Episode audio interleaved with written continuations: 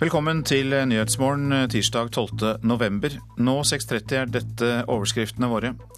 Folk eh, mangler mat og drikke. Fire dager etter tyfonens herjinger sliter de overlevende på Filippinene. Vi skal prøve å ta kontakt med vår reporter. Vi skal også høre fra Leger uten grenser. En hær av hjelpearbeidere verden rundt bruker Twitter for å hjelpe folk på Filippinene. Redningsmannskaper utenfor Haugesund skal prøve å slepe det tidligere hurtigruteskipet Nord Nordstjernen av grunn. Og det blir eh, svensk-norsk duell om å arrangere vinter-OL. Ja, det er positivt, sier sjefen for Oslo-OL. Vi må regne med å slåss for å vinne. Dette er en konkurranse. Eli Grimsby. Og kan du tenke deg å ha bare noen hundrelapper i året til fritid og moro? Vel, det er slik mange asylsøkere har det. It's. Just I can say it's boring. It just makes you weak, lazy. So it's very boring. So it's better to have something to do. Det sa Nugasate Haye i Kongsvinger, men nå får asylsøkerne der aktivitetshus. Her i studio, Øystein Heggen. Det er altså slik at folk på Filippinene mangler mat og vann, også nå fire dager etter at den kraftige tyfonen traff landet. Rundt eh, ti millioner mennesker er rammet av den voldsomme stormen, og flere tusen er drept. Desperasjonen blant eh, dem som eh, overlevde, er stor.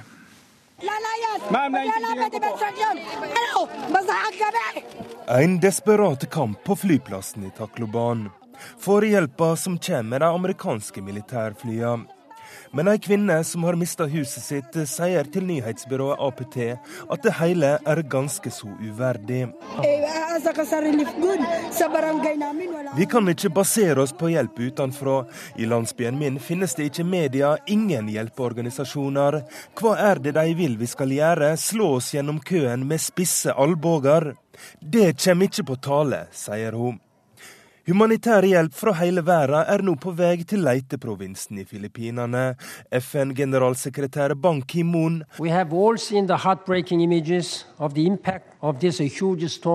kaller naturkatastrofen hjerteskjærende. Men geografien er ei utfordring. Sjøl om hjelp nå begynner å komme til de største byene, er det mange isolerte øysamfunn og utkanter som må vente lenge på at hjelpa kommer fram. Reporter Roger Severin Bruland. Mens hjelpearbeidere fremdeles kjemper for å komme fram til katastrofeområdet, har en hel hær av digitale hjelpearbeidere over hele verden jobbet i flere dager med å finne ut hvordan folk har det. Det er basert på bl.a. Twitter-meldinger. I Bergen sitter en høyskolelektor og koordinerer arbeidet etter oppdrag fra FN. Utenfor kontorvinduet er det vanlig bergensvær, men likevel er det lite som minner om tyfonens herjinger på Filippinene. Skal vi se. Men så åpner Per Aarvik PC-en, og opp på skjermen kommer det et kart. Eh, det viser banen til eh, tyfonen, og det viser rapporter som befinner seg på et geografisk sted i uh, forskjellige steder på, på Filippinene. Aarvik, som til daglig er høyskolelektor i design, koordinerer over 100 frivillige gjennom nettverket Standby Task Force. De kommer fra alle kontinent, og er med på da å kartfeste og analysere Twitter-meldinger som kommer i forbindelse med tyfonen på Filippinene. Det interaktive kartet gir informasjon om alt fra åpne rullebaner for fly til ødelagte broer, og hvor det finnes butikker hvor folk kan få tak i mat og vann. Og alt er basert på en enorm mengde Twitter-meldinger. En kvart million twittermeldinger Twitter-meldinger som er håndtert gjennom disse systemene. Og det vi sitter igjen med, er da naturligvis bare en liten brøkdel av alle disse meldingene som er A. relevant, B. har noen uh, indikatorer i seg som lar seg bearbeide videre. Slike interaktive krisekart ble først brukt under jordskjelvet på Haiti i 2010.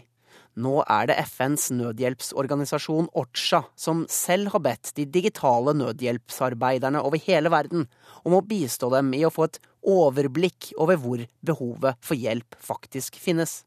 For alle kan ikke reise til katastrofeområdet, sier Per Aarvik. Disse tingene kan ikke erstatte eh, de menneskene som befinner seg på bakken og gjør en fysisk innsats, men eh, de kan være et veldig viktig supplement. Mer om dette tiltaket på nrk.no, reportere Åge Algerøy og Stig Arild Pettersen. Velkommen til deg, Kyrre Lind. Takk. Du er programsjef i Leger uten grenser. Aller først, hva syns du om vi, at vi bruker moderne teknologi på den måten til å samle inn 250 000 Twitter-meldinger? All moderne teknologi eh, kan være positivt i en krisesituasjon. Eh, og Det gjelder jo også arbeidet på bakken, hvor nå, eh, så vidt jeg har skjønt, så er all infrastruktur slått ut. Men dere har engasjert dere på Filippinen, og da snakker vi om å være på bakken. og Hva blir de viktigste oppgavene å gjøre der? Leger uten grenser var på bakken allerede på lørdag med 15 hjelpearbeidere og en god del utstyr. Og nå er vi på vei eh, med tre fly og 50 nye hjelpearbeidere. Eh, det viktigste nå er å redde liv umiddelbart. Det er tusenvis av mennesker som har skader og sår, eh, og som trenger hjelp nå. Og I tillegg så vil det bli en, en, en prekær situasjon de neste dagene. Det er mangel på rent drikkevann. Og det er klart at eh, en, en sånn enkel sykdom som diaré kan ta mange liv. Hva gjør dere for å unngå epidemier, eh, bl.a. pga. diaré? Vi har med nå veldig mye vann- og sanitærutstyr som, som, vil komme nå de, utover de neste dagene. Som gjør at vi kan sette i gang akutt altså rensing av vann veldig veldig kjapt. I tillegg har vi med selvsagt veldig mye medisiner og mye annet nødhjelpsutstyr. Du er jo programsjef i Leger uten grenser her i Norge. og Hva hører du dine folk fortelle? Nå er det vel ikke nordmenn der ennå, men de du har kontakt med? Eh, de vi har kontakt med, forteller om et eh, kaos. De forteller om eh, byer som er fullstendig jevnet med jorden. Hvor menneskene der ikke, ikke vet hva de skal gjøre. Og det er en enorm de, desperasjon i områdene nå. Og det våre også forteller om, er at det er mange områder, mange byer, hvor det ennå ikke har nådd ut hjelpearbeidere. Og det er der vi nå skal sette inn innsatsen. Så vi beveger oss inn i området eh, for å komme eh, til de områdene hvor det ikke er nådd hjelp ennå. Er det også planer om å sende representanter fra Leger uten grenser i Norge? Nå eh, responderte vi veldig, veldig kjapt og fikk sendt team som sto klare fra forskjellige internasjonale kontorer. Det er ikke sendt noen nordmenn ennå, men eh, jeg utelukker ikke det. Jeg ser på det som veldig stor sannsynlighet for at eh, det vil reise nordmenn til Filippinene. Programsjef i Leger uten grenser, Kyrre Lind, mange takk for at du tok deg tid til å komme hit midt oppi det arbeidet dere driver på med. Takk. Nå til eh, at Kystverket nå i morgentimene vil gjøre et eh, nytt forsøk på å trekke tidligere hurtigruteskip av grunn utenfor eh, Haugesund. Det var 21 personer om bord i skipet da det grunnstøtte i går kveld. De har i alle fall kommet av kurs, og de har støtt på, en, på et grunt farvann, et skjær. Og der, i Karmsundet nord for Haugesund, står det tidligere hurtigruteskipet Nordstjernen fortsatt. 21 personer var om bord da skipet grunnstøtte i går kveld, men det var ikke behov for evakuering, forteller redningsleder Johan Mansåker ved Hovedredningssentralen for Sør-Norge. Eh, det var kapteinen sin vurdering at eh, det ikke var nødvendig å ta de med til land. At situasjonen var under kontroll og kunne ha de værende om bord. Nå var de kjørt godt på. De hadde jo en, en brukbar fart, opp i en 12-15 knop når de gikk på grunn, eh, og kom seg opp da på, på grunn og sto fast, egentlig. Så på den måten så hadde vi litt tid til å få ressursene fram. Det tidligere hurtigruteskipet blir nå brukt til navigasjonstrening. I natt har Kystverket gjort forsøk med to slepefartøy for å trekke skipet på land, uten å lykkes. Og I morgentimene i dag kommer et tredje slepefartøy for å hjelpe til. Det sa reporter Irina Kjelle, og Nordstjernen er da fredet og eies av en veteranbåt forening, men drives altså med navigasjonstrening nå. Så var det det avisene skriver, da. Oppgjør med brønnpissere og feiginger i Fremskrittspartiet. Dagbladet omtaler boka til Per Sandberg. Han regner med at det kommer krav om eksklusjon fra partiet etter at boka kommer ut. Desperate etter hjelp, det er oppslaget i Adresseavisen. FN venter at dødstallene vil stige etter tyfonen i Filippinene, skriver avisa, og flere hundre tusen boliger er ødelagt. En klimaavtale alene kan ikke redde verden, sier SV-nestleder Bård Vegar Solhjell. Det er farlig å tro at alt ordner seg med en avtale og en internasjonal pris på karbon, sier altså den tidligere miljøvernministeren til Vårt Land. Men Bård Vegar Solhjell er også sitert i Dagsavisen i dag. Der sier han at den blå regjeringen knebler dem de er uenige med. Han viser til kutt i støtten til Nynorsk kultursentrum, Folkeaksjonen mot oljeboring i nord, pressestøtten og i bevilgningene til arbeiderbevegelsens arkiv. Oppgjør med sykehussammenslåing i Oslo med helsestyring og byråkrati. Ja, det er stikkord fra tidligere direktør ved Radiumhospitalet Jan Vincents Johannessen i et intervju med Klassekampen. Dyrere å ta over gardsbruk når arveavgiften forsvinner, viser beregninger fra Bondelaget. Skatten øker med en halv million per bruk, og Bondelaget frykter for rekruttering til landbruket, skriver Nasjonen. Sju av ti finansdirektører her i landet tror på fortsatt opptur, kan vi lese i Dagens Næringsliv. De er mer optimistiske på vegne av norsk økonomi enn de har vært på over to år. Nei til fri utenom skoleferiene har høstet en klagestorm, kan Aftenposten fortelle. I Oslo er det nå nesten bare begravelser som er godkjent grunn til å få ekstra fri fra skolen. Hanne på 19 år fikk blodpropp etter å ha brukt p-piller, skriver VG. Flere hundre rammes årlig, og de yngste er mest utsatt. Innblanding fra voksne kan ødelegge for små barns lek og muligheter til å få venner, sier forsker Anne Greve til Bergens Tidende. I en doktorgrad skriver hun at vennskap mellom barn ikke tas alvorlig nok, og at de voksne ubevisst kan ødelegge for dem.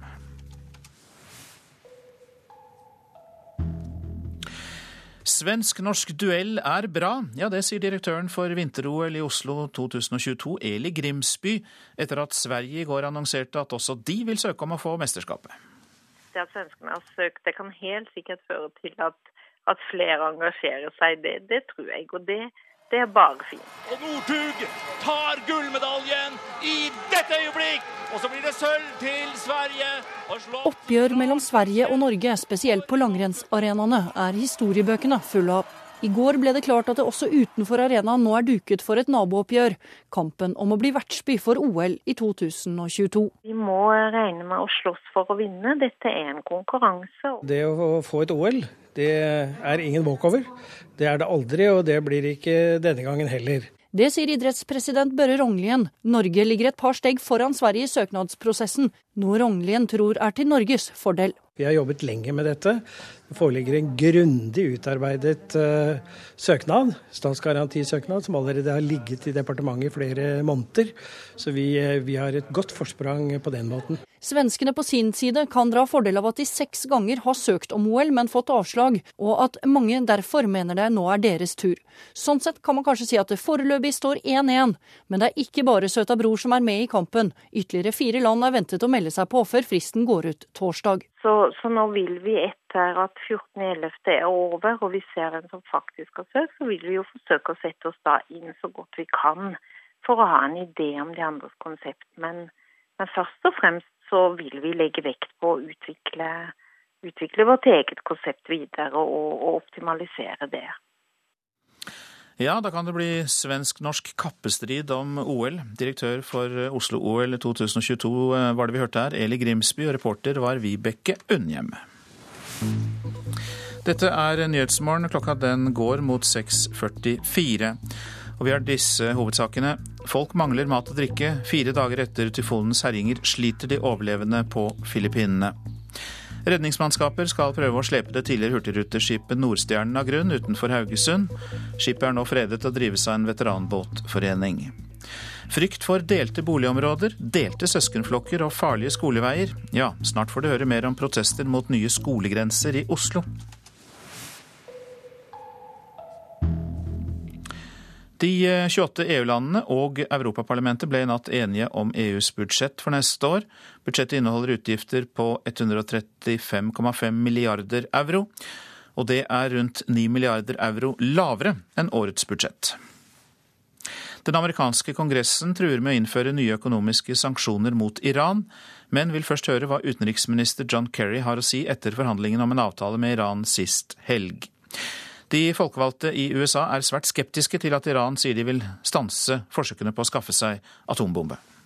Det er ingen tvil om at motstanderne av enhver midlertidig avtale med Iran vil bruke dagene fram til neste forhandlingsrunde 20.11. som best de kan. Allerede i juli vedtok Representantenes hus et forslag om nye økonomiske straffetiltak mot Irans gruve- og anleggsindustri, samt at USAs regjering må forplikte seg til å jobbe for at ingen land får kjøpe olje fra Iran fra 2015. Senatet har et lignende forslag på trappene, støttet av representanter fra begge partiene, og senator Lindsey Graham har følga mange i sin skepsis til den avtalen som ble diskutert i Genéve sist helg. that sanctions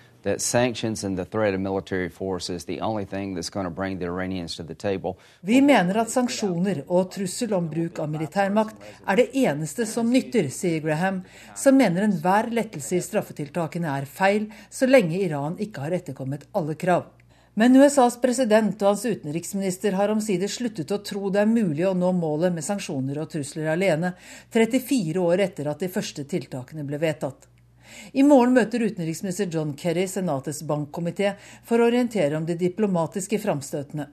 Det er nemlig bankkomiteen som formelt fremmer forslag om nye straffetiltak. Søndag ble Kerry spurt av fjernsynskanalen NBC om han frykter at Iran nok en gang bare haler ut tiden og leker forhandlinger. Uh, no, uh, that, that Nei, den frykten har vi ikke rundt bordet. Og vi, ikke bare Frankrike, er opptatt av at ordlyden i en avtale er tøff nok og klar nok til at den ikke kan feiltolkes, sier Kerry. Det er ikke gitt at han klarer å overbevise flertallet i Senatet om å utsette behandlingen av sanksjonsforslaget. For Kerry og for president Barack Obama er det mer enn bare avtalen med Iran som står på spill. En ny opprivende konflikt med Kongressen vil ødelegge for andre saker de har håp om å få i havn før nyttår. Gro Holm rapporterte fra Washington DC. Protestene strømmer inn mot de nye skolegrensene i Oslo. Mange frykter farligere skolevei og delte boligområder og søskenflokker når endringene kommer fra høsten av. En av eh, de som gjør det, er Hanna Kinge i Lørenbyen. Vi hadde vært og skrevet under kontrakt på den leiligheten vi skulle kjøpe, eller rekkehuset. Og var kjempeglad, for nå fikk vi endelig lov til å bo i det området hvor vi tilhørte. Og idet vi var på vei hjem fra kontraktsmøtet, satt vi i sandkassa og lekte litt, og så kommer styreformannen i borettslaget bort og sier eh, du er klar over at de skal flytte skolegrensene? Det var et slag i magen. Da hadde vi for ti minutter siden signert en kontrakt, og så plutselig er ingenting sånn som vi trodde det skulle være.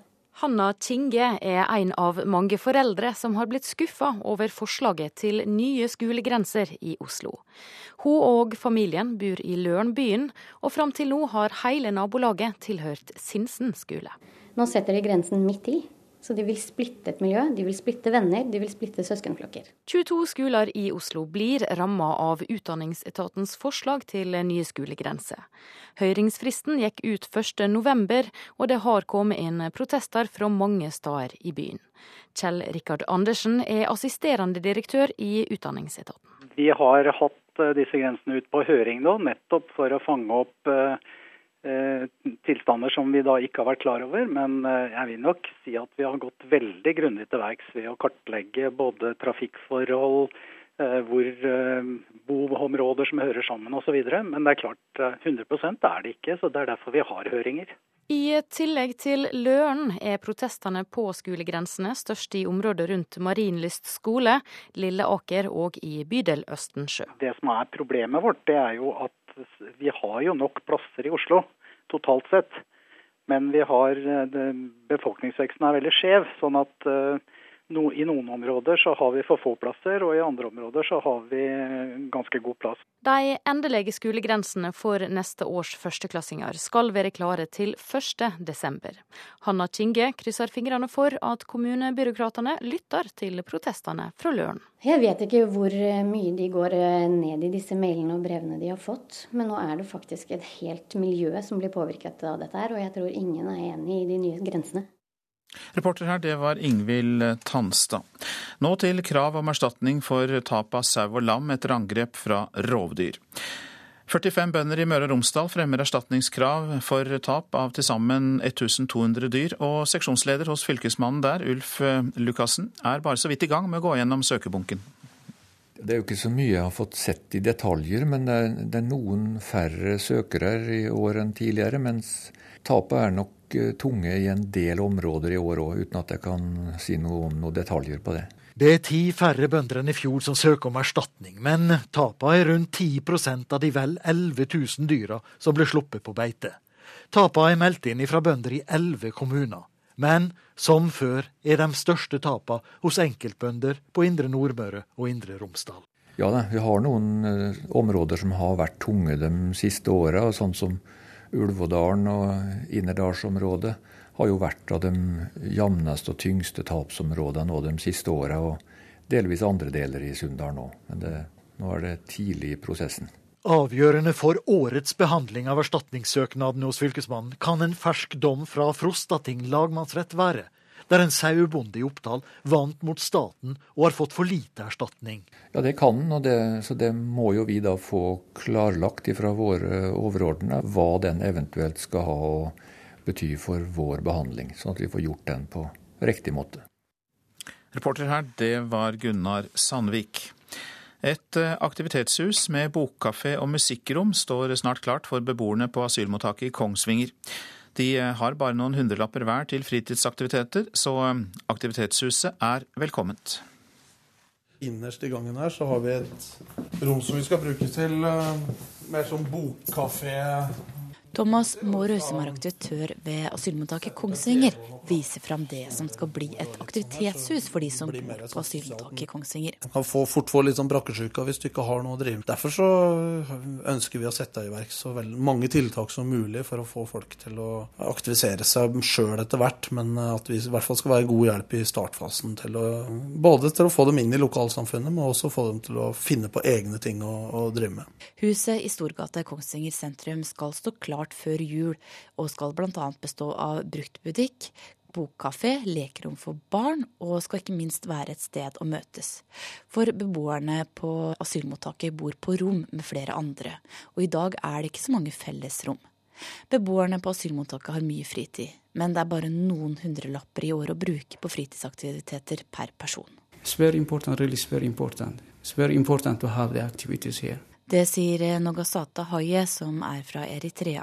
Dagene går stort sett med til å gå turer i området, og det blir ofte en tur innom biblioteket fordi det er gratis.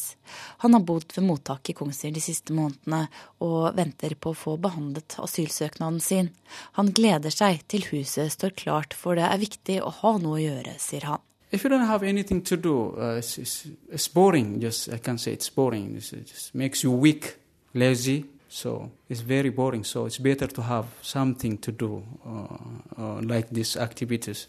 So it's very important. It will be very important to have such kind of activities in the future. Det er en lang prosess, uansett utfall på asylsøknaden om opphold i Norge. For det første tar det lang tid før søknaden er behandlet. Etter det går det enda en stund før vedtaket blir fulgt opp med enten bosetting i kommunene eller uttransportering fra Norge. Mange år. Det er ikke unormalt at det er tre etter fem år. Det sier leder for mottaket i Kongsvinger, Jon Ivar Bergersen. Ved mottaket i Kongsvinger har de 1340 kroner per person til å bruke på hobby og fritid i året. Når internettilgangen for alle er betalt, er det bare 470 kroner igjen til å dekke fritidsaktiviteter. Det er veldig viktig å ha et fritidstilbud som gjør at den enkelte føler seg verdifull og har noe å bedrive tida si på. Fordi det er mye å tenke på når man er i en situasjon som asylsøkende. Har vi noe å fylle tida, mi, tida si med, så kan det nok bli lettere i den lange ventetiden som er på mottak. For å få til noe ekstra, f.eks. å se en film på kino eller se en fotballkamp på Hjemslund, tar ofte beboerne på seg ryddejobber mot å få en billett. I forhold til bl.a. Kiel, altså fotballklubben i byen her, så har vi jo starta et lite samarbeid der med at vi får gratis fotballbilletter. Og da skal vi gjøre en jobb i forkant eller etterkant av, av kampene. F.eks. at vi har rydda stadion for søppel, eller plukker ned supporterflagget etter kamp og sånn. Så vi, må, vi, vi, oppfordrer alle gutta og jentene som bor hos oss til å, å melde seg fra, for å være med på en del sånne frivillige aktiviteter, og da får vi gjerne noe tilbake for det.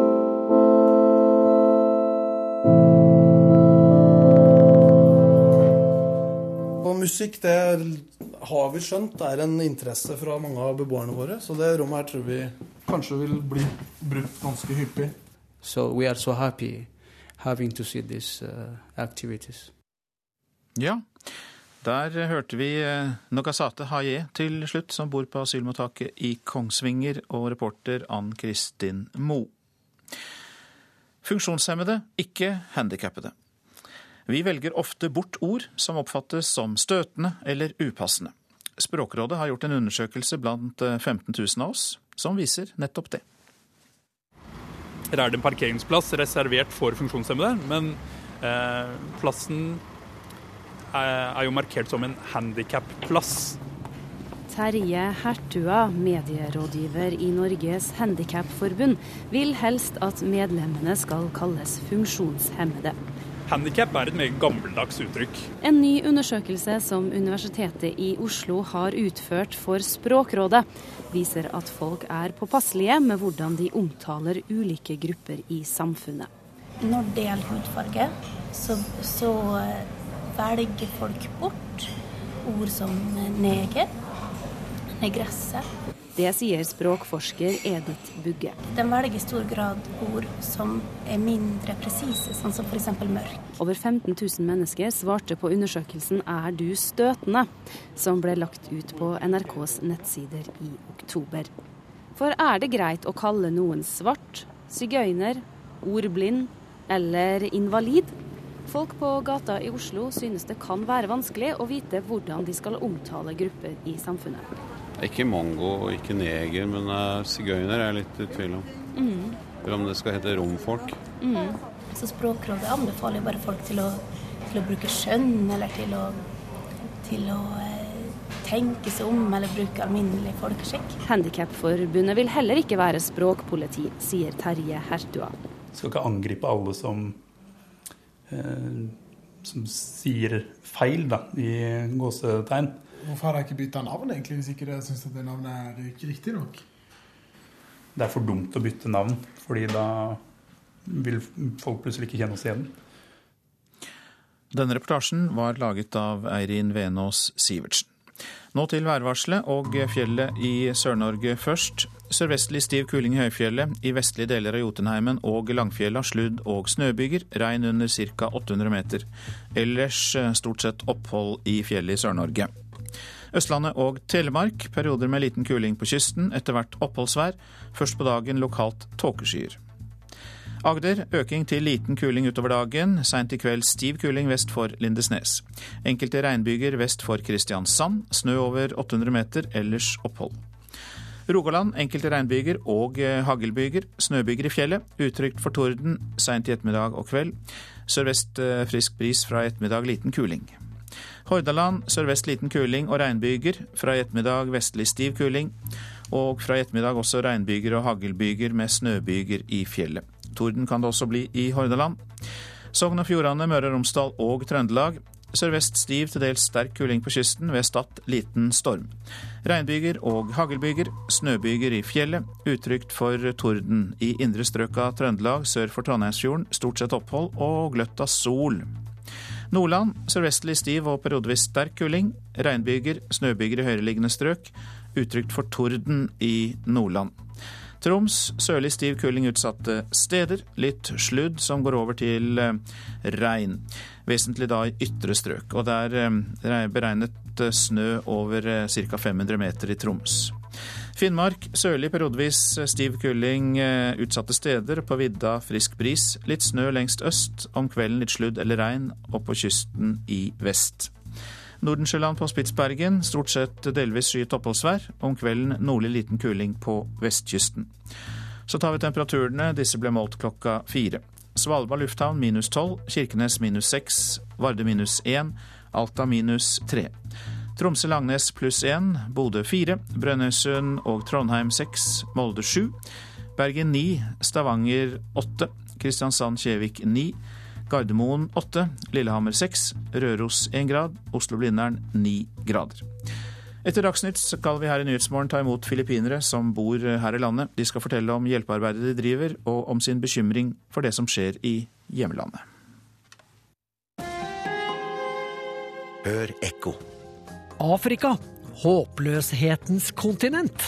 Det er slik vi har vært vant til å oppleve verdensdelen. Ingenting har gått rett vei. Men nå kommer Afrika. Økonomiene vokser jevnt og trutt. Om 20 år er Afrika det Kina er i dag, er den optimistiske spådommen. Hva er det som har skjedd? Ekko 9 11 i NRK P2. Desperasjon blant de overlevende på Filippinene er stor. Mangel på mat, vann og medisiner. Vi var veldig nære å bli enige med Iran om atomprogrammet deres, sier USAs utenriksminister. Her er NRK Dagsnytt klokken er sju.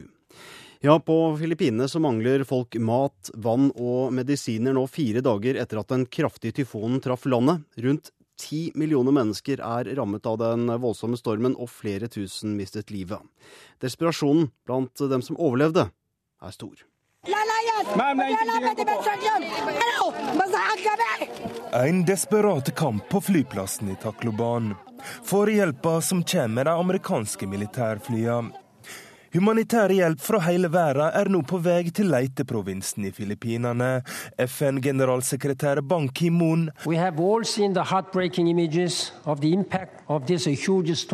kaller naturkatastrofen hjerteskjærende. Men geografien er ei utfordring.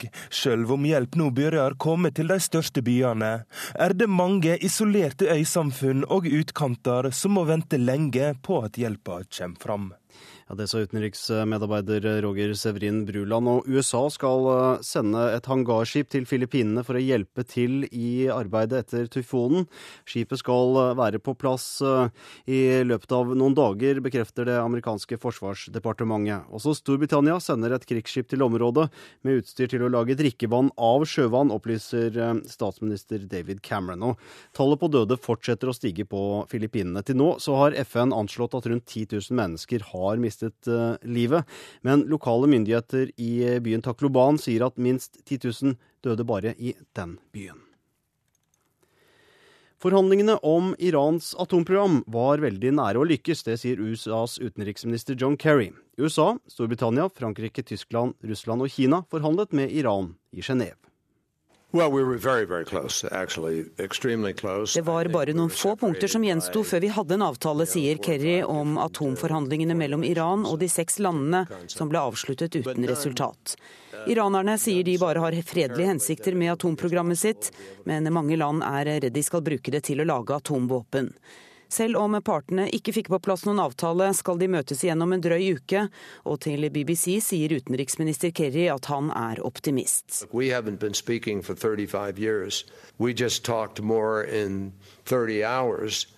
har snakket mer sammen på 30 timer enn vi har snakket sammen de siste 30 årene, sier Kerry.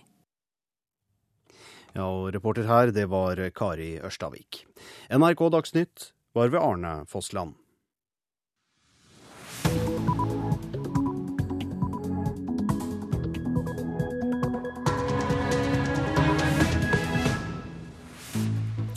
Dette er eh, Nyhetsmorgen. Vi tar eh, snart inn vår reporter fra Filippinene.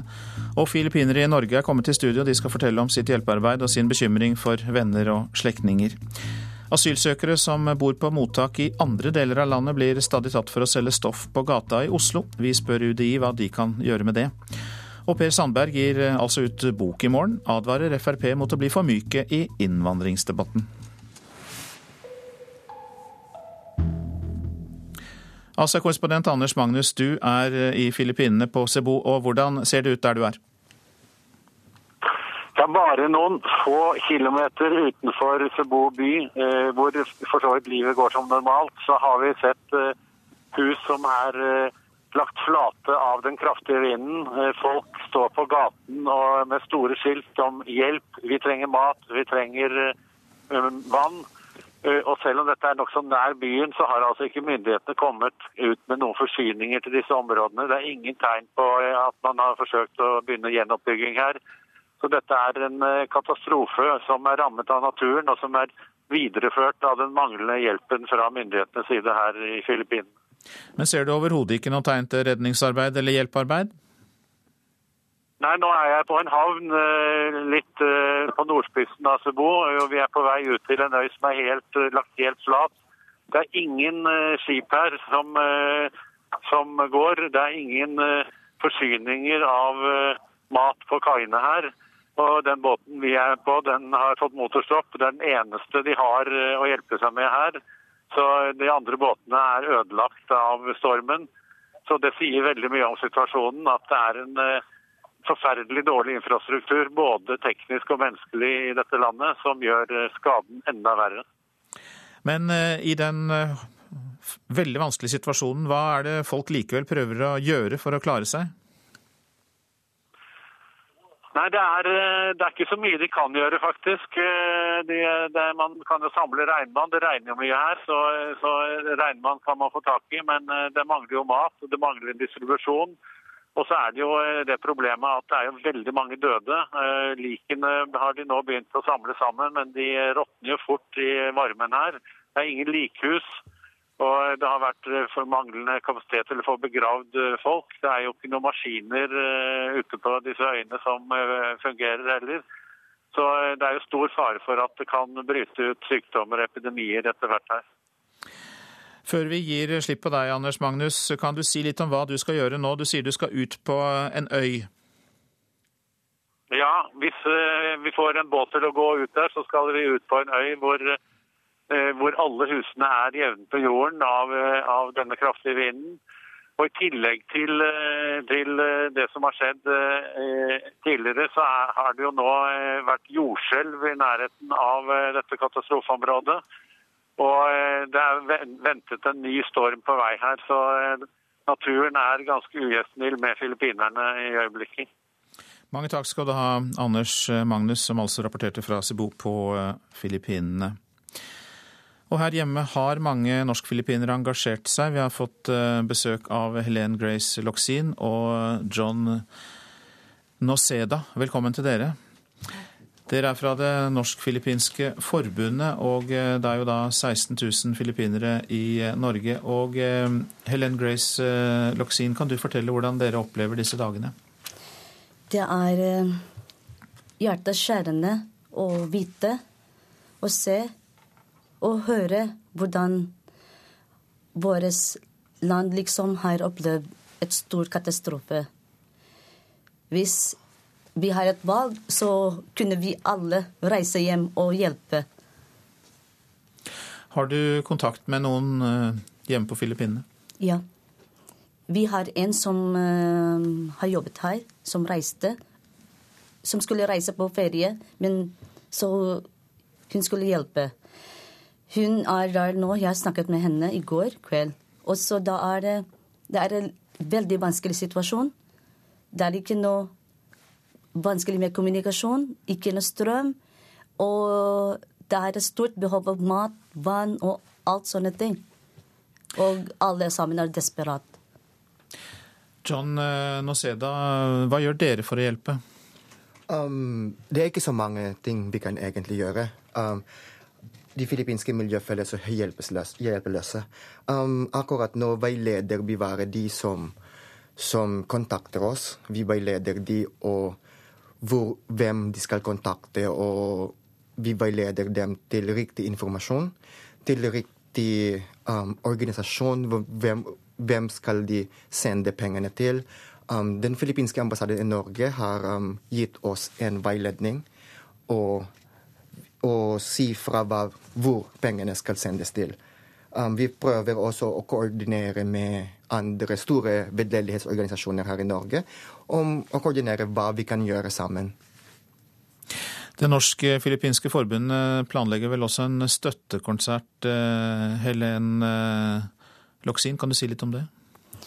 Ja, det er vår måte til å samle alle som vil Som bryr om um, Filippinene. Um, vi kan ikke reise alle sammen, så derfor, til å organisere en konsert, så kan vi bidra med Hva kan vi samle? Penger og, og alt som vi kan gjøre. Og det er også en grunn at uh, det er noe på en måte at uh, vi står alle sammen. John, kan alle komme på den konserten for å hjelpe til og bistå? Vi prøver. Vi det er, um, det er mange som kontakter oss nå. Og det er overveldende, overveldende egentlig. Um, ja. Så, så, dette er en konsert som skal komme i løpet av de nærmeste dagene? Vi Da snakker vi om uh, kanskje to-tre To uker. Mm. To uker? Ja. Mm. Og da kan man annet bidra med å dra dit. Ja. Og støtte også på andre måter, selvfølgelig. Ja. Mange takk skal dere ha, Helen Grace Loxin og eh, John Noseda, som altså er fra det norsk-filippinske forbundet. Takk skal dere ha. Nå om asylsøkere som bor på mottak i andre deler av landet. De blir nemlig tatt for å selge stoff på gata stadig oftere. Hvis en asylsøker forlater asylmottaket, kan det ta bortimot en uke før noen reagerer, og da hender det ikke sjelden at han blir et problem for Oslo-politiet. Du er arrestert. Ro deg ned, sier politiet til asylsøkeren som de har tatt for å selge stoff. Camp, right? okay. Du bor på et mottak, ikke sant? Hvor er det mottaket? Leknes, yeah, right. Lofoten. Politiførstebetjent Espen, som prøver å bekjempe åpenlyst salg av narkotika på gata, har skjedd det mange ganger før. At asylsøkere som har reist landet på langs, står og selger stoff på gata i hovedstaden. Vi hører ofte det, at eh, ja, han skulle bo der, men de har ikke sett han siden den den dato. Eh, og da er det ofte langt å reise, men, eh, men mange av disse er tilpasningsdyktige og reiser tilbake. For det henger også i hop med det å få, få penger, da. stønad for å være her. At du, du, møter opp og har plassen din. Så det blir mye reising. Vi ser mye NSB-billetter fra så langt nord du kommer med NSB og til Oslo. Flere jeg møter på gata er kjent med begrepet mini-price. Nigerianeren sier altså at han bor på et asylmottak i Lofoten. Men politiet har tatt han for å selge stoff i Oslo. Det er frustrerende, sier politiførstebetjenten. Når vi da i tillegg finner ut at han har et eller annet sted i Lofoten, har en seng å sove i og en mottaksplass som får statlig støtte av våre skattepenger for å ivareta hans rettigheter. Han får måltidene sine der, han får seng, altså aktivitetstilbud og sånne ting, men han er ikke der. Han er her og, selger narkotika. På asylmottaket i Stamsund i Lofoten, 15 km fra flyplassen på Leknes, sier mottaksleder Tom Edvardsen at asylsøkere uten å søke permisjon kan være borte fra mottaket i bortimot ei uke hvis de knytter det til ei helg. Når vi går hjem halv fire på fredag, så, så kan eh, våre beboere reise bort. Og da være borte eh, i helga pluss mandag, tirsdag og onsdag. Og Mandag, tirsdag og onsdag kontrollerer vi om de er på rommene, og, og da fører jeg dem ut da på torsdag. Statssekretær i Justisdepartementet Hans Røsjorde fra Fremskrittspartiet forstår at Oslo-politiet er frustrert over at asylsøkere fra andre kanten av landet kommer til Oslo for å selge stoff. Det å fjerne de fra Oslo-gryta eh, er jo viktig. På den annen side så kan du ikke gjøre det uten å ha lukket eh, forvaring. Men det er ikke noe særlig greit å ha innvandrere som søker asyl i Norge, inn til Oslo helt fritt for å utøve kriminell virksomhet. Reportasjen var laget av Kjartan Røslett. Kommunikasjonsdirektør i UDI, Ingeborg Grimsmo, god morgen til deg. Hva syns du om dette eksempelet, at asylsøkere med plass på mottak i Lofoten eh, tas for å selge hasj på gata i Oslo? Det her er noe som vi ble gjort oppmerksom eh, på fra politiet for ikke så veldig lenge siden, faktisk. Eh, og vi har et tett og godt samarbeid med Oslo-politiet, spesielt i forhold til de åpne rusmiljøene. Det som UDI kan gjøre, det er jo å hurtigbehandle asylsøknaden. Hvis det er åpenbart at vedkommende ikke har rett på beskyttelse i Norge, så kan vi behandle den i løpet av noen få dager. Vi har òg en mulighet til å utvise raskt. Vi har et tilbud til politiet. Vi har eh, folk på kveldsvakt og helgevakt som kan fatte raske utvisningsvedtak. Og her ser vi et veldig stor pågang fra politiet. Så det er de to tingene som vi først og fremst kan bistå politiet med. da. Men uh, hva med dette med at de kan være borte nesten en uke av gangen, som vi hørte her, uten at det er noen kontroll på hvor uh, asylsøkeren befinner seg? Kan dere gjøre noe med det? Det bor 16 500 asylsøkere rundt om i Norge i mottak. Eh, det er et eh, fritt eh, botilbud som vi er pålagt å gi alle som søker beskyttelse i Norge. De kan bevege seg fritt der, de kan forlate mottaket. Det eneste vi gjør, er å registrere at de har forlatt det, for å gi plassen til noen andre. Så det finnes ingen sanksjoner i forhold til det å forlate mottaket. Men det som eh, politiet kan gjøre, da, det finnes en eh, bestemmelse i eh, utlendingsloven som gjør at politiet kan pålegge dem å bo et bestemt sted. Eller pålegge dem meldeplikt. Og hvis de ikke overholder det, så kan de fengsle vedkommende. Men dersom dere ser et behov for strammere regler og mer kontroll, kan dere ta noe initiativ for å gjøre noe med det? Da må vi igjen huske på de her 16 500 som er for de aller, aller fleste lovlydige, ordentlige mennesker på flukt fra krig og katastrofer eller av andre årsaker. Ja, det er sikkert alle enig i, men altså, kan man likevel gjøre noe for å hindre det vi fikk beskrevet her? Ja, Det vi må prøve å gjøre, er jo å ta akkurat dem som er kriminelle. Det er et lite fåtall, det er dem vi må konsentrere oss om. Og vi må huske på at de, er, de fleste av dem er ikke reelle asylsøkere. De bruker asylmuligheten til å bli i Norge. Ja, der må vi gjøre alt vi kan. Eh, vi vet jo ikke hvem de er før de blir tatt av politiet, så vi er jo avhengig av å samarbeide med dem når de blir tatt. Og Da dukker spørsmålet om lukkede mottak opp. Hva med det? Det finnes jo et eh, lukka mottak på Trandum. Men så... flere, flere, av de? Ja, Det er jo noe som skal utredes nå, da. Det... men det forutsetter at en har hjemler for å lukke dem inne. Mange takk skal du ha. Ingeborg Grimsmo, som altså er kommunikasjonsdirektør i eh, UDI. Takk skal du ha. Fremskrittspartiet har mistet varemerkene sine, mener nestleder Per Sandberg. I boka Mot min vilje som kommer i morgen, skriver Sandberg at sterke krefter i partiet mener de bør tone ned saker om eh, innvandring og integrering.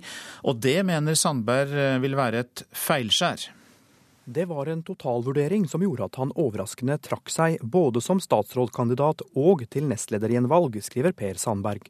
Sønnen Jakob, som i dag er sju år, er en viktig grunn til at han tok det valget. Videre går Sandberg hardt ut mot egne partikolleger. Han skriver at før var vi partiet for mannen i gata, partiet som kjempet for dem som trengte oss, vi var klare i budskapet vårt. Men rollen som ombudsmann eller kvinne har forvitret i Frp de siste årene. Jeg synes det er trist, for det var et av partiets varemerker.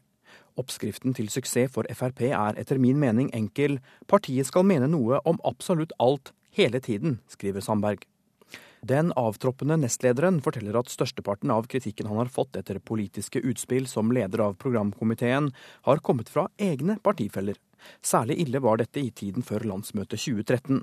Jeg opplevde nærmest trusler fra egne rekker, og det ble konspirert for å bli kvitt meg, skriver han. Sandberg mener han er et sterkt alibi for folk flest i partiet, og den eneste som står opp mot Høyre. Ifølge Sandberg mener sterke krefter i Frp at partiet skal tone ned saker partiet har eierskap til, som innvandring og integrering, fordi det er blitt for ubehagelig. Dette mener Sandberg vil være et uttrykk for manglende forståelse for politikk. Han advarer mot å miste sakseierskapet til innvandringspolitikken, slik han mener partiet har mistet eierskapet til helsepolitikken. Ifølge Sandberg vil det være langt tyngre å hente velgere på områder der Frp ikke allerede har et kjent standpunkt. Sandberg avslutter for øvrig denne passasjen i boka med Jeg ble da nominert til min femte periode på Stortinget, men noen gledesdans kunne ingen se fra min side. Og reporter her, det var Halvard Norum. Dette er Nyhetsmorgen. Klokka den har passert 7.18. Dette er eh, noen av våre saker. Desperasjon blant de overlevende på Filippinene. Mangel på mat, vann og medisiner. Filippinere i Norge skal arrangere støttekonsert. Det fortalte de oss nettopp i Nyhetsmorgen. Asylsøkere som bor på mottak i andre deler av landet, blir stadig tatt for å selge stoff på gata i Oslo. Vi var veldig nær å bli enige med Iran om atomprogrammet deres. Det sier USAs utenriksminister.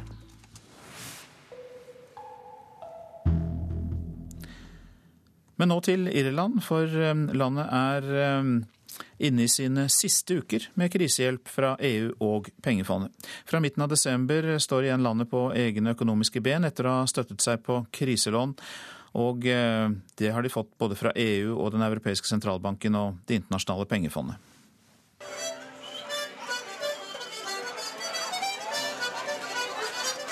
Musikken går livlig for seg i Temple Bar, det tradisjonsrike kulturområdet i hjertet av Dublin. Og kanskje er det på tide for hardt prøvde irer å kunne senke skuldrene litt. For mens mange av blitslampene, mikrofonene og TV-kameraene har vært rettet mot Sør-Europa under finanskrisen, har EUs vestligste medlemsland vært gjennom en økonomisk hestekur av de sjeldne. Noe ikke minst finansminister Michael Noonan vet. Now, there are difficulties, of course, and we never hide from the difficulties, and we have to continue.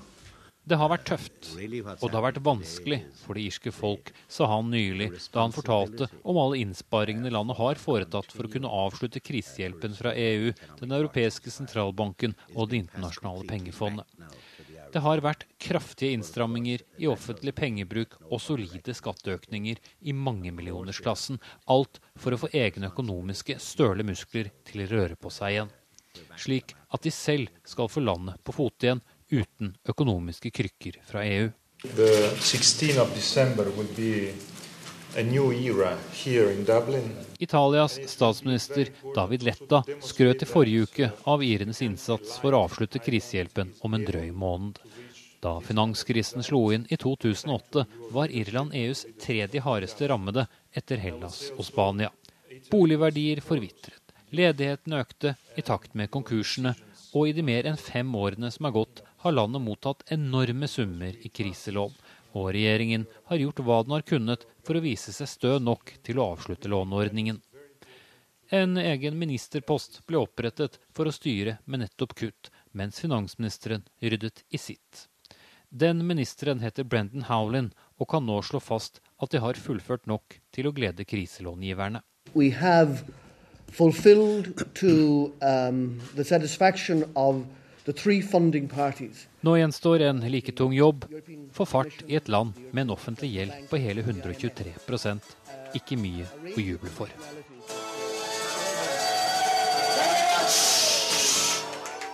Reportasjen var laget av NRKs korrespondent eh, Espen Aas. Eamon Noonan, god morgen til deg. God morgen. Du er president i Irsk-norsk eh, forening. Og eh, ja, Irne er jo da, trass i denne gjelden vi hørte om på slutten her, kanskje på vei ut av krisen. Er det altså ditt inntrykk? Ja, det er positive tegn og lysepunkter. Det er et veldig viktig steg å komme ut av krisehjelpprogram. Hvordan er stemningen blant folk i Irland som du har kontakt med? Mm. Eh, blandet. Altså, det er en lettelse at det er en viss fremgang, men eh, det gjenstår mye. Og mange folk sliter økonomisk, mange står uten jobb, mange har det dårlig økonomisk. Og ser, og det er kanskje det vondeste punkt, begrenset muligheter for neste generasjon, for de som kommer ut av skole inn i arbeidsmarkedet. La oss skru tiden litt bakover. Hvordan og hvorfor kom Irland inn i det økonomiske uføret? Eh, det var en uheldig blanding av uh, inkompetanse og um, ja, grådighet. Altså det er ukjente problemer i finansvesenet.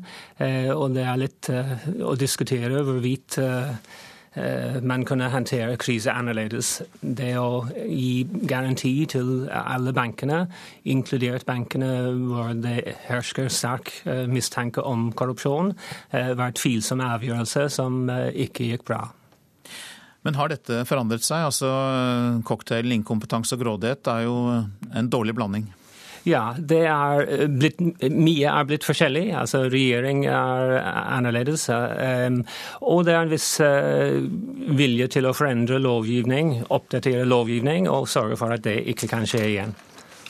Men eh, nå skal vi jo glede oss over at man eh, da klarer å kvitte seg med disse støtteordningene, disse krykkene som de har fått fra EU og Verdensbanken.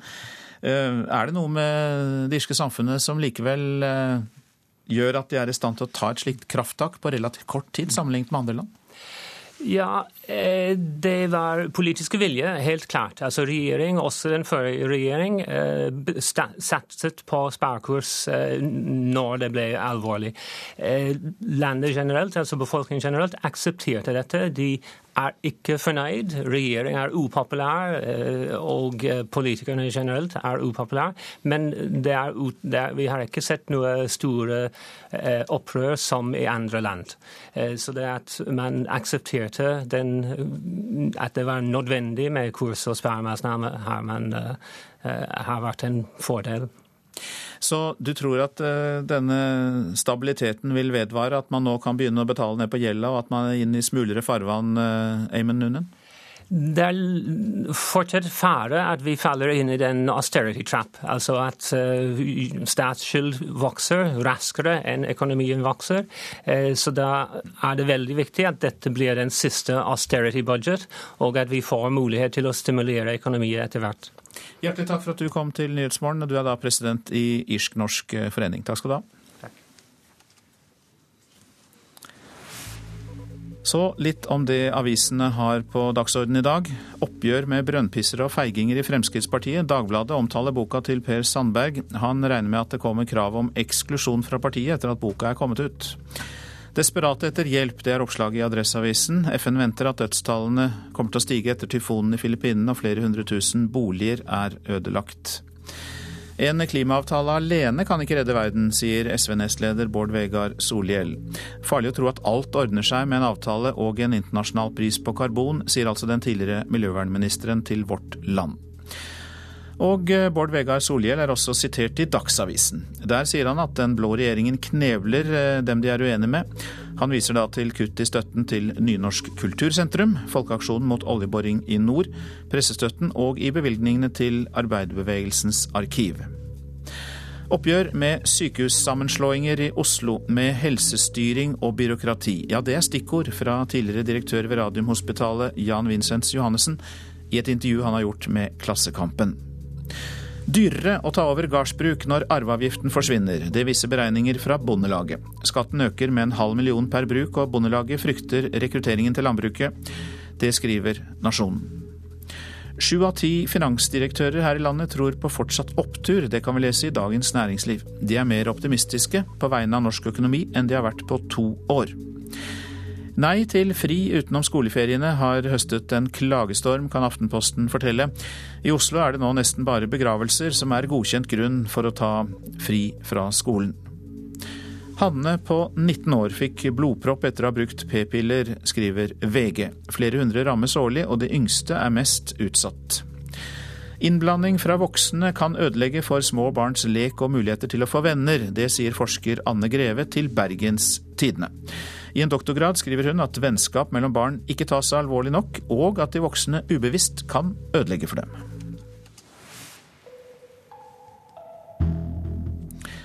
Det tidligere hurtigruteskipet Nordstjernen er nå slept av grunnen på nordsida av Karmsund utenfor Haugesund. Det opplyser Hovedredningssentralen.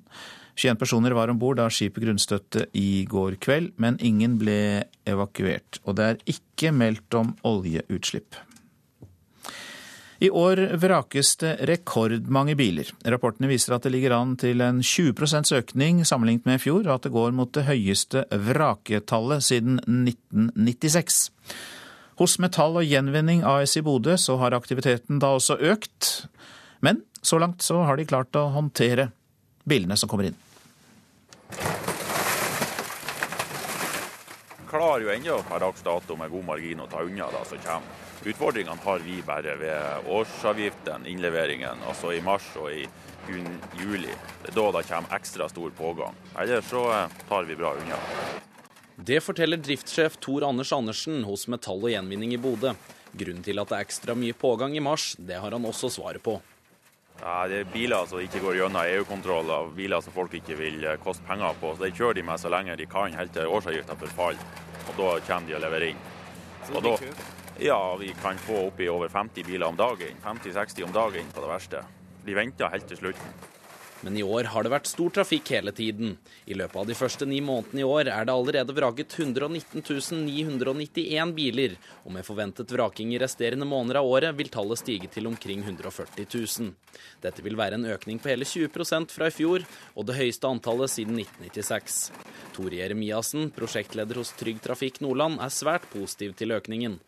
Ja, men Det syns Trygg Trafikk er veldig bra, at de eldste bilene eh, blir borte. For det, jo flere, det, er jo flere aspekter i det der. Det er jo eh, ikke minst det trafikksikkerhetsmessige som eh, er bedre med de nye bilene. Jeremiassen håper at folk er bevisste når det kommer til å faktisk vrake biler som ikke er skikket for å være på veien, og oppfordrer samtlige med en enkel beskjed. Trafikksikkerhet og trafikksikkerhet og trafikksikkerhet. Ute hos Metall og Gjenvinning AS er det mange som kommer for å vrake bilene sine. En av dem er Øystein Hoel.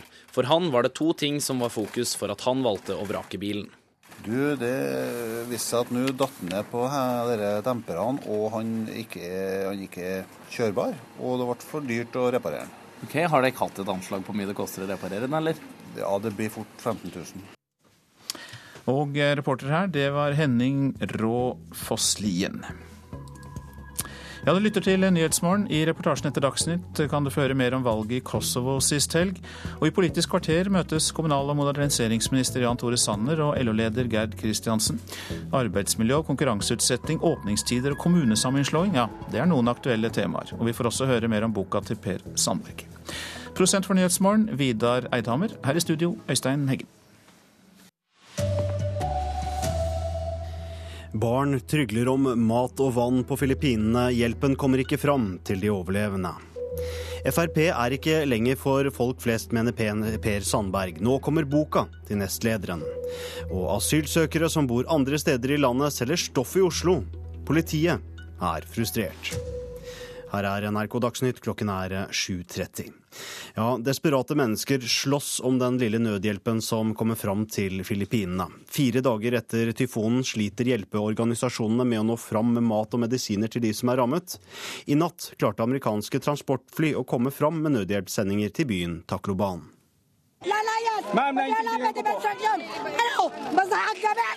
En desperat kamp på flyplassen i Takloban for hjelpa som kommer de amerikanske militærflyene.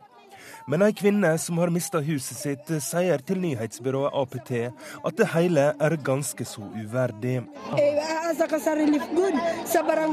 Vi kan ikke basere oss på hjelp utenfra. I landsbyen min finnes det ikke media, ingen hjelpeorganisasjoner. Hva er det de vil vi skal gjøre? Slå oss gjennom køen med spisse albuer? FN-generalsekretær Ban Ki-moon kaller naturkatastrofer hjerteskjærende.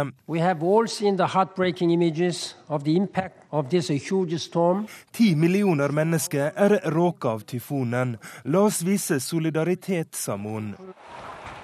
Folk lå og sov da byen Takloban ble smadra av ei stor flodbølge. Everything is gone. Our houses, our, everything. Vi har ingenting å ete, vi har ikke drikke, sier denne kvinna som overlevde tyfonen. Det er et grusomt syn som møter journalister og hjelpearbeidere som kommer til byen. Døde menn, kvinner, katter, hunder og griser ligger i ruinene, skriver en reporter for avisa The Guardian.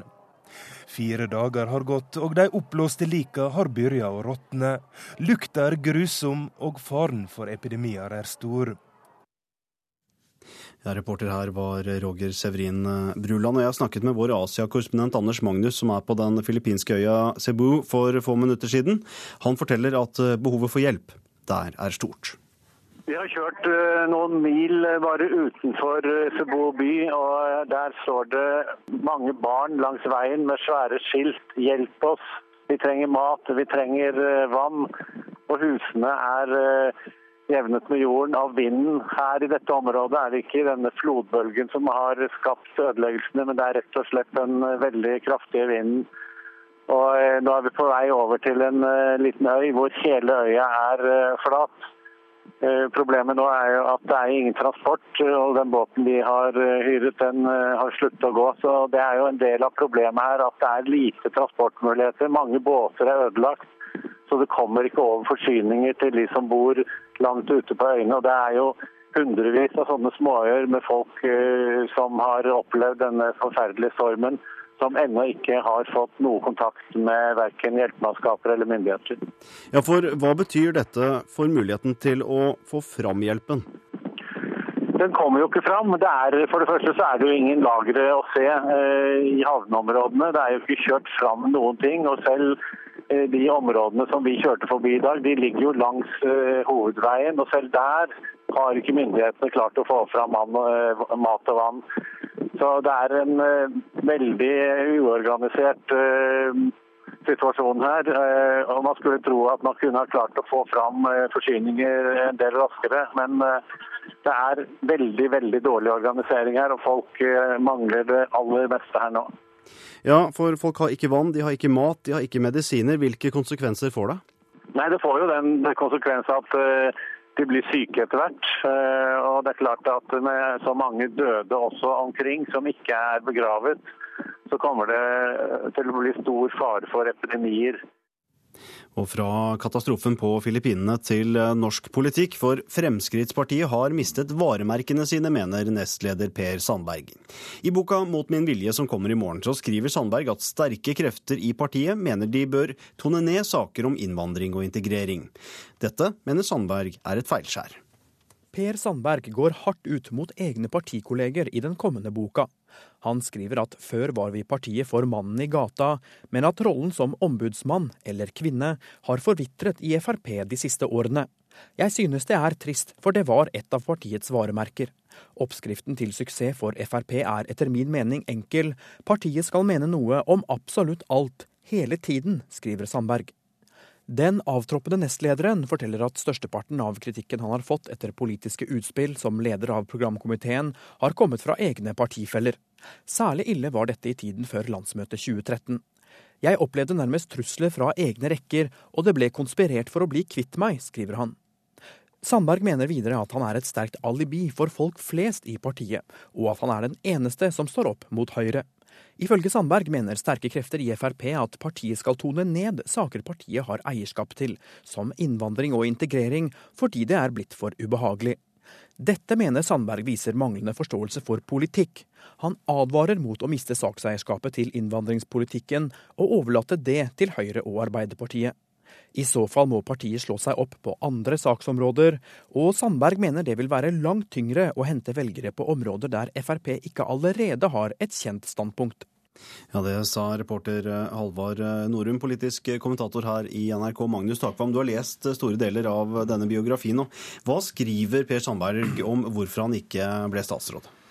Ja, Bakteppet her er det Per Sandberg eh, beskriver som eh, en eh, veldig krevende periode for han selv de siste par årene, med store interne konflikter både i stortingsgruppa og helt spesielt i forhold til Troms Frp, der hans kone er en sentral aktør med intriger og bakvaskelser og påstander osv.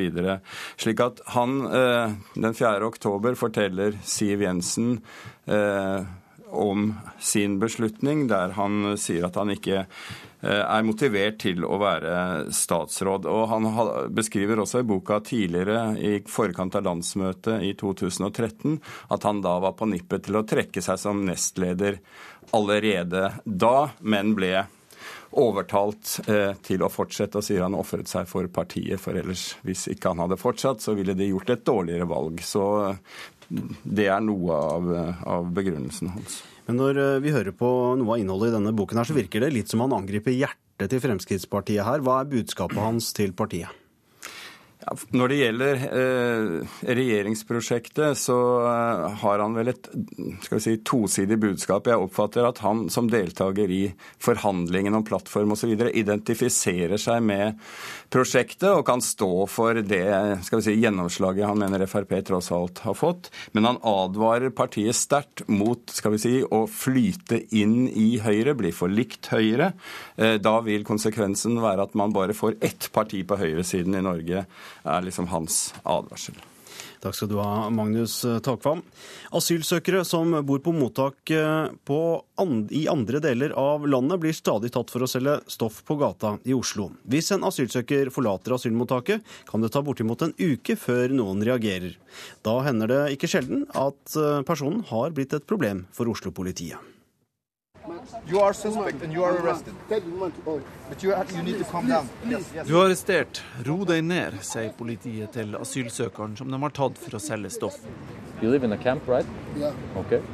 Where is that camp? Du bor på et mottak, ikke sant? Hvor er det mottaket? Leknes, yeah, right. Lofoten. Politiførstebetjent Espen, som prøver å bekjempe åpenlyst salg av narkotika på gata, har skjedd det mange ganger før at asylsøkere som har reist landet på langs, står og selger stoff på gata i hovedstaden. Så det blir mye reising. Vi ser mye NSB-billetter fra så langt nord du kommer med NSB og til Oslo. Flere jeg møter på gata, er kjent med begrepet mini-price. På asylmottaket i Stamsund i Lofoten, 15 km fra flyplassen på Leknes, sier mottaksleder Tom Edvardsen at asylsøkere uten å søke permisjon kan være borte fra mottaket i bortimot ei uke hvis de knytter det til ei helg. Når vi går hjem halv fire på fredag, så, så kan eh, våre beboere reise bort. Og da være borte eh, i helga pluss mandag, tirsdag onsdag. Og Mandag, tirsdag og onsdag kontrollerer vi om de er på rommene, og, og da fører dem ut da på torsdag. Statssekretær i Justisdepartementet Hans Røsjorde fra Fremskrittspartiet forstår at Oslo-politiet er frustrert over at asylsøkere fra andre kanten av landet kommer til Oslo for å selge stoff. Det er ikke noe særlig greit å ha innvandrere som søker asyl i Norge, inn til Oslo helt fritt for å utøve kriminell virksomhet. Reporter her, det var Kjartan Røslett. Ansvarlig for Dagsnytt-sendingene denne morgenen er Bjørn Christian Jacobsen. Teknisk ansvarlig Hans Ole Hummelvold. Jeg heter Arne Fossland.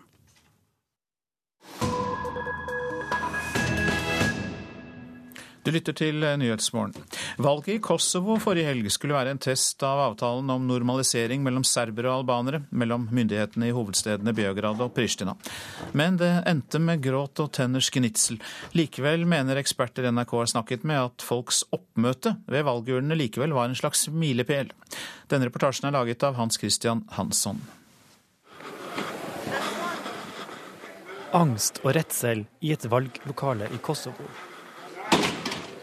Zaključana su vrata. Zaključana su vrata, lome se kutije. Maskerte menn baner seg vei gjennom knust glass, river med seg stoler og bord og kaster stemmeurner i bakken. En eldre kvinne ble alvorlig skadet da hun ble truffet av en stol som fløy gjennom luften. Selv observatører og medlemmer av valgkommisjonen måtte flykte. I serbiskdominerte områder var valget i Kosovo preget av vold, trusler og sabotasje. Lederen for EUs styrke i Kosovo, Eulex, legger ikke skjul på at skuffelsen er stor.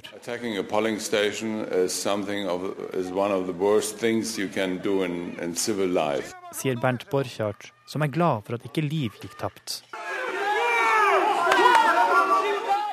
Gjennom Mitrovica renner elven Ibar. Den deler ikke bare byen i to, men utgjør også en etnisk skillelinje. På sørsiden bor albanerne, på nordsiden serberne. Serberne i nord har aldri godtatt at Kosovo i 2008 erklærte seg som uavhengig stat. Før en iskald februardag for snart seks år siden var Kosovo en serbisk provins. Kosovo er allerede anerkjent av over 100 stater, men i Kosovo nord for Ibar tilhører man fortsatt Serbia. Serberne i disse traktene raser dessuten mot en avtale som EU forhandlet fram i april, og som går ut på at Serbia skal gi slipp på kontrollen med den nordlige delen av Kosovo. Dette skal åpne dørene for serbiske forhandlinger om EU-medlemskap. Avtalen om forhandlinger betinger at serberne i Kosovo deltar i lokalvalg. Som generalsekretær i Europarådet har Torbjørn Jagland et overordnet ansvar for at menneskerettighetene holdes i hevd. Nordmann følger derfor Kosovo med årvåkent blikk, sier han til NRK på telefon fra Balkan. Det er en vanskelig situasjon for eh, serberne i nord. og Det er jo fortsatt mange som ikke tror på den avtalen som er inngått mellom eh, Beograd og eh, Pristina. Jagland er imidlertid ikke blant dem, for han tror avtalen er et viktig skritt i riktig retning, og beskriver det vi nå ser som overgangsproblemer. Jeg ser ikke at det er noen vei tilbake til de gamle etniske konfliktene. Det er bare én vei framover, og det er at hele området blir fullt integrert i Europa. Balkanekspert Friis er enig. Verken Serbia eller Kosovo vil komme seg på rett kjøl dersom de ikke etterlever avtalen og nærmer seg EU. For Serbia så er det den strategisk viktigste målsettingen for landet. Det er motoren for reform. Det er det som demokratiserer landet, som gjør at man får slikt på økonomien og alle slike ting. Og klarer man ikke få implementert Kosovo-avtalen, så, så, ser det stygt ut for den oppstarten. Så Det er helt, helt avgjørende for Beograd. Og tilsvarende da, for, for Kosovo så er denne avtalen fundamentet for en videre tilnærming og normalisering med, med EU. Så spørs det om nasjonalistene i Nord-Kosovo er enige, eller om de heller vil fortsette å lage bråk.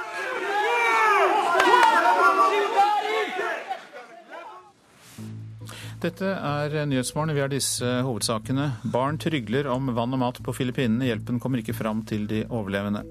Asylsøkere som bor andre steder i landet, selger stoff i Oslo. Politiet er frustrert. Frp er ikke lenger for folk flest, mener Per Sandberg. Nå kommer boka til nestlederen. Og i Politisk kvarter så skal det også snakkes om Per Sandbergs bok, programleder Bjørn Bø. Ja, men også om regjeringas modernisering. Liker LO den?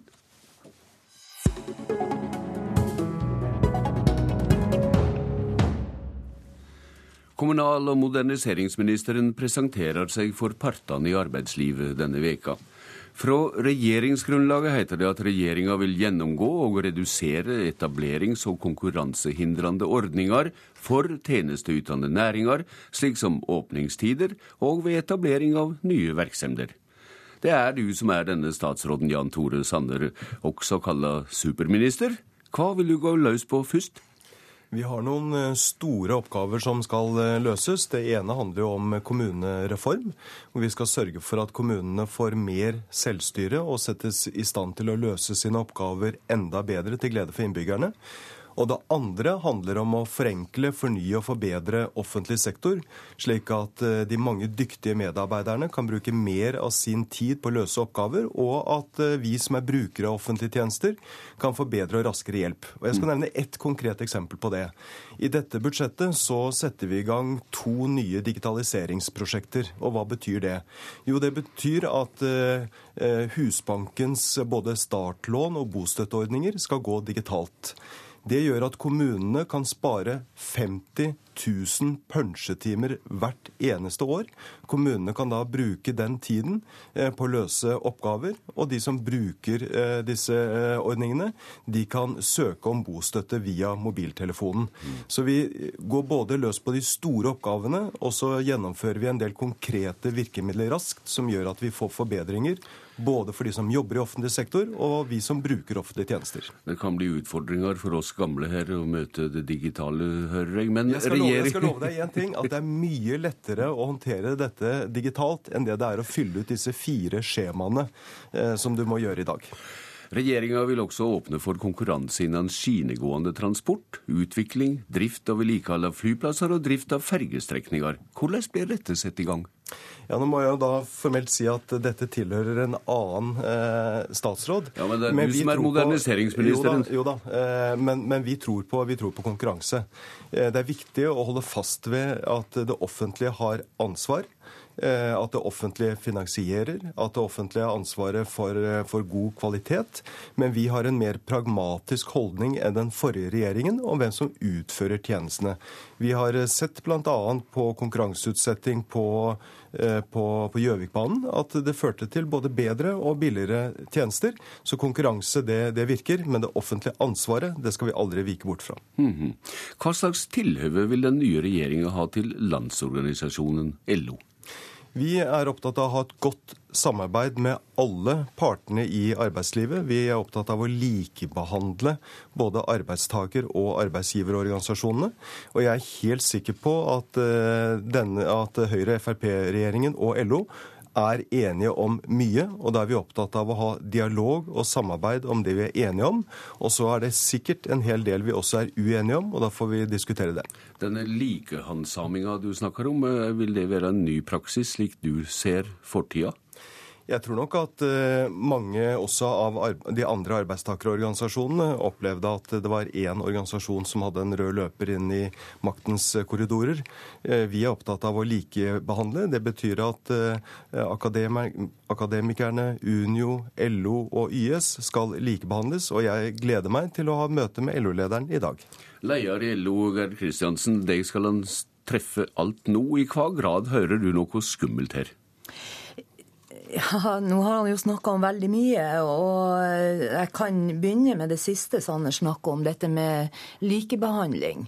Eh, det er vel ikke tvil om at eh, er det noen denne regjeringa er avhengig av, så er det nettopp LO og NHO som er de mest representative organisasjonene, og som står for lønnsdannelsen i Norge. Det er vi som går i front og forhandler og setter rammen for hvordan, eh, hvordan lønnsutviklinga skal bli. Og det gjør jo at også, at også denne regjeringa er nødt til å forholde seg til både LO og NHO eh, på en litt annerledes måte enn de gjør til de andre hovedorganisasjonene. Ja. Hvordan ser du da for deg LOs tilhøve til den nye regjeringa? Nei, vi er innstilt på et konstruktivt samarbeid med den nye regjeringa. Og jeg tenker det at, eh, at eh, det kommer til å bli ryddige og konstruktive forhold mellom oss. Eh, vi opptrer som en ansvarlig organisasjon. Mm. Og det forventer jeg at også regjeringa gjør i forhold til oss. Drøfting av åpningstider, som det heter er gjerne naturlig når folk ønsker tjenester hele døgnet, også i det offentlige, slik Sanner var inne på her? Altså, Vi har ikke noe religiøst forhold til åpningstider. Mm -hmm. det, det, vi opplever som det største problemet med handelsnæringa, det er at de som jobber der, ikke har beskyttelse i i forhold til sin arbeidstid gjennom arbeidsmiljøloven. Og øh, vi skal gjerne være med og diskutere åpningstider i handelsnæringa, men her må være en sammenheng. Også de ansatte som jobber i handelen, skal ha en uttelling i forhold til ubekvem arbeidstid. Men, men, men dette gjelder ikke bare handelsnæringa, som Sanner eh, påpeker her. Det gjelder også offentlig sektor, ikke sant? Ja, og dette vil jo bli diskusjoner. Vi har jo tariffesta veldig mye av arbeidstidsordninger innenfor kommunesektoren.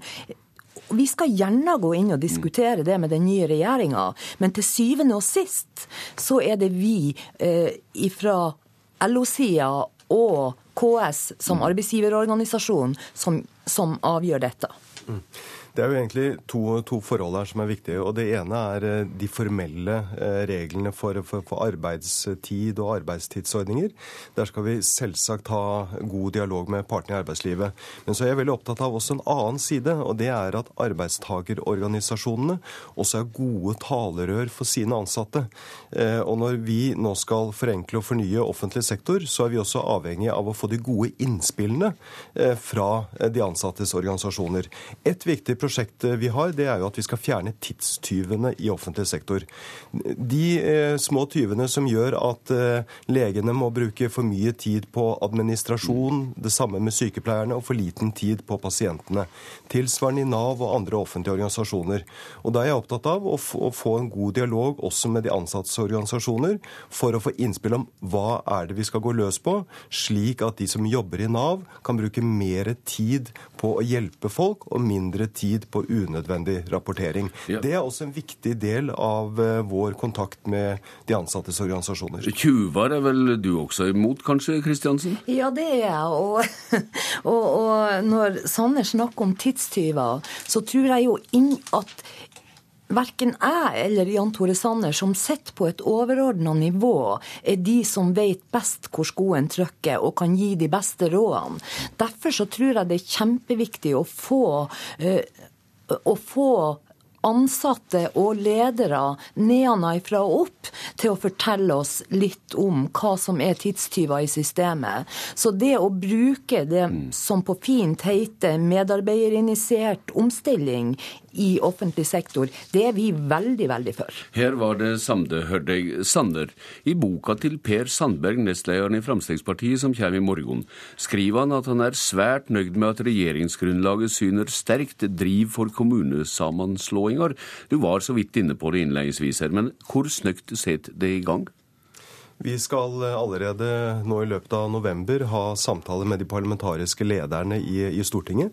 Det er viktig for oss fordi at vi nå skal gå i gang med en, en, reform som forhåpentligvis kan stå i både 20, 30 og 40 år frem i tid. Det er nå 50 år siden at uh, Norge sist gjennomførte en kommunereform. Og når vi nå skal gjennomføre en kommunereform som både er overmoden og sterkt ønsket ute i, i Kommune-Norge, så, så, må vi satse på bredt samarbeid. og vi ønsket å komme raskt i gang. Da lå Skei-komiteen i bunnen, for 50 år siden. Må det et langvarig kommisjonsarbeid til nå? Nei, eh, vi ønsker ikke noe langvarig kommisjonsarbeid, og det skal heller ikke tegnes noe kart i Oslo. Eh, det skal derimot gjøres ute i kommunene, og formålet med denne reformen det er å styrke det lokale selvstyret og sette kommunene i bedre stand til å løse sine viktige oppgaver. Fagforbundet har landsmøte akkurat nå, og fra Høyre side har den vært omtalt som ei klam hand over all fornying av offentlig sektor. Hva sier du i dag, Sanner? Nei, jeg, jeg, mener det er viktig å ha et eh, godt samarbeid med, med alle organisasjonene. Og så er det helt sikkert uh, slik fortsatt at vi er uenige om, om, noe. Men la oss samarbeide om det vi faktisk er enige om. Og jeg er opptatt av at eh, kommunereformen det må vi håndtere pragmatisk. Dette handler ikke om høyresidepolitikk eller venstresidepolitikk. Det handler om robuste kommuner som kan løse viktige oppgaver for innbyggerne. Og hva sier du om det, Gerd Kristiansen? Jeg sier at vi skal samarbeide der vi mener det er til beste for våre medlemmer. Eh, andre ting som kommer fra regjeringa som vi mener ikke er riktig i forhold til både utviklinga av kommunesektoren og samfunnet for øvrig, det, det kommer vi til å kjempe imot. Da sier jeg takk til Sanner og Kristiansen. Det skal sannelig møtes seinere i dag.